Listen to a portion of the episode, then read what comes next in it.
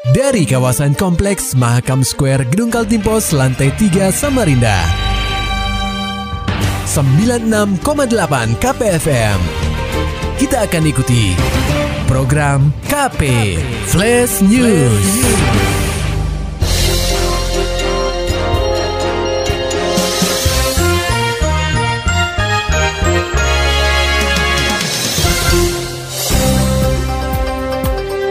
Pendengar KP, seorang pria berinisial JS punya kebiasaan yang tidak seperti kebanyakan orang lainnya. Ia suka melempar rumah adik perempuannya, sebut saja Melati dengan kotoran manusia. Saking takutnya dengan teror JS, Melati minta pendampingan tim reaksi cepat perlindungan perempuan dan anak atau TRC PPA Kaltim untuk melayangkan laporan ke Mako Polresta Samarinda Jalan Slamet Riyadi, Rabu 29 September 2021. Pengakuan Melati, aksi JS sudah berkali-kali dilakukan. Ia menceritakan penyebab JS menjadi aneh berawal dari persoalan harta warisan. Melati adalah anak terakhir dari enam bersaudara, sementara JS merupakan anak kedua. Melati menyebutkan ayahnya menyerahkan pengurusan surat tanah di kawasan Lok Bahu, Kecamatan Sungai Kunjang kepada dirinya. Namun, JS tak terima dengan hal itu. Bahkan pria itu kerap membuat onar saat pihak keluarga hendak melakukan pengukuran tanah berusaha sudah di anu kan di kelurahan disuruhkan damai sudah berapa kali hmm, berapa kali di mediasi itu? Sering sudah bosan anu kelurahan Sekarang aja ibaratkan nek tangan tadi betul ya. sering kali lah pokoknya. Hmm, sering kali ya. Nah, sudah. Di tahun 2018 sampai tahun 2020 iya sampai sekarang, sampai sekarang. Sejak saat itu Teror demi teror dilancarkan JS. Puncaknya terjadi pada Selasa 28 September 2021 sekitar pukul 1.30 waktu Indonesia Tengah. Melati memergoki JS sedang mondar-mandir di depan rumahnya.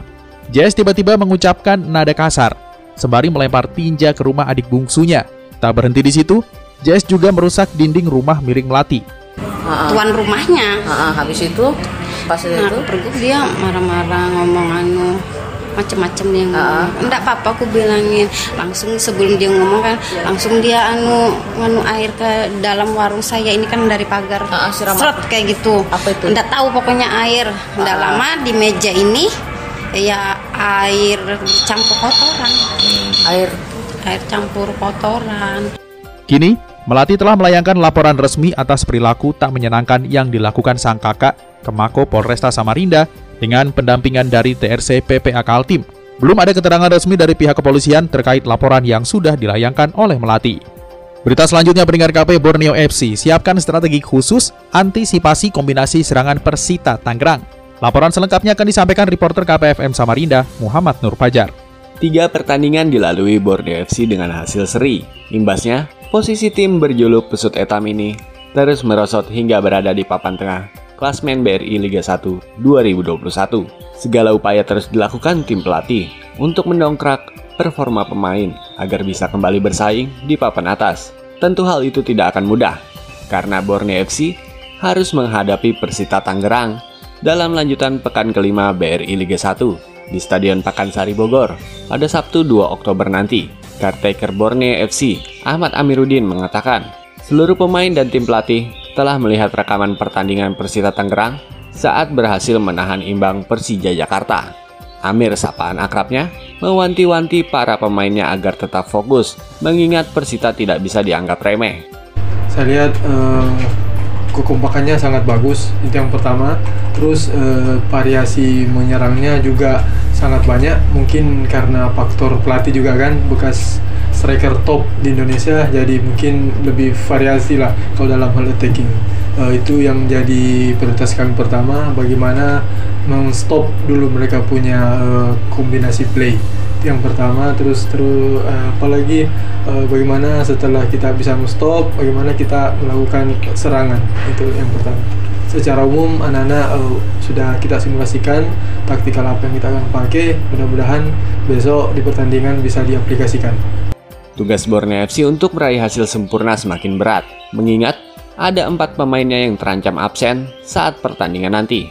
Leo Guntara dan Boas Solosa dipastikan absen, sementara Francisco Torres masih dalam pemantauan tim medis, serta Wawan Febrianto yang baru bergabung dengan tim usai izin.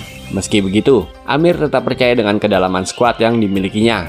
Menurutnya, absennya beberapa pemain membuka peluang bagi pemain lain untuk mengisi posisi tersebut. Uh, yang pertama eh, manfaatkan pemain yang ada, terus mungkin eh, nambah motivasi ke mereka eh, karena dengan absen absennya beberapa pemain itu menjadi peluang berat bagi mereka untuk memperlihatkan ke se- sampai sejauh mana dia punya kemampuan.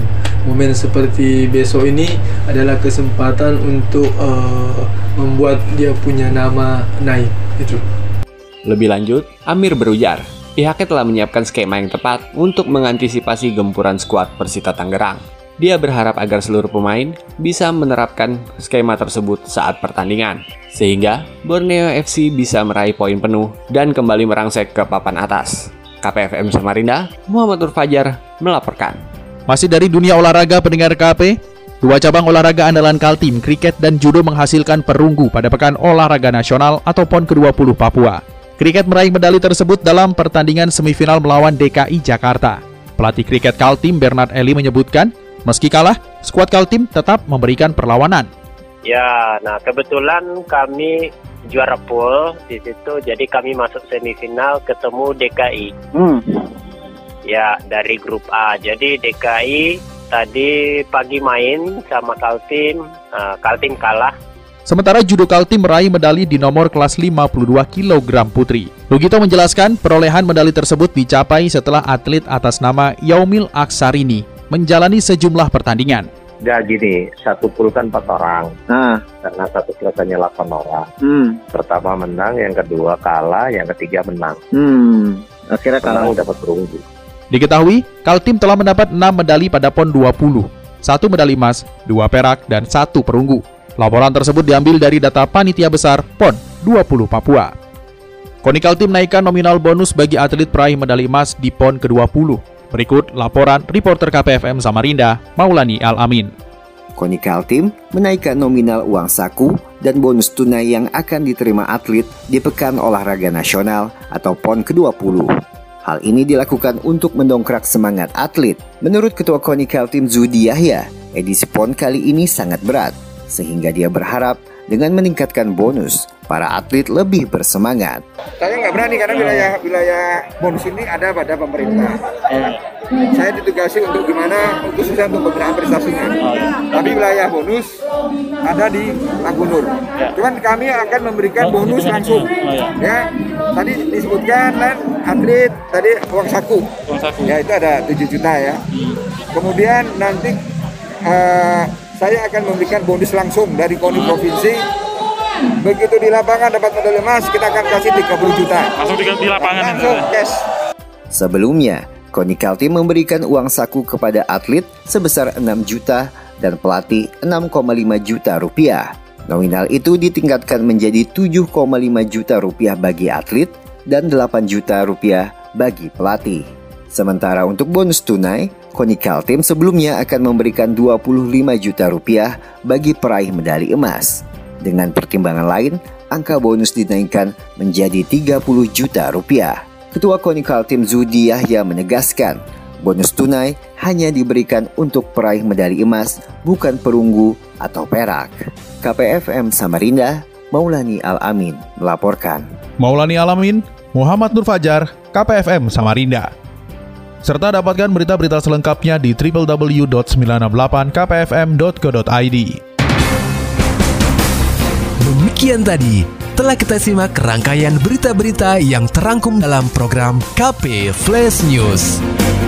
Persembahan dari 96,8 KPFM.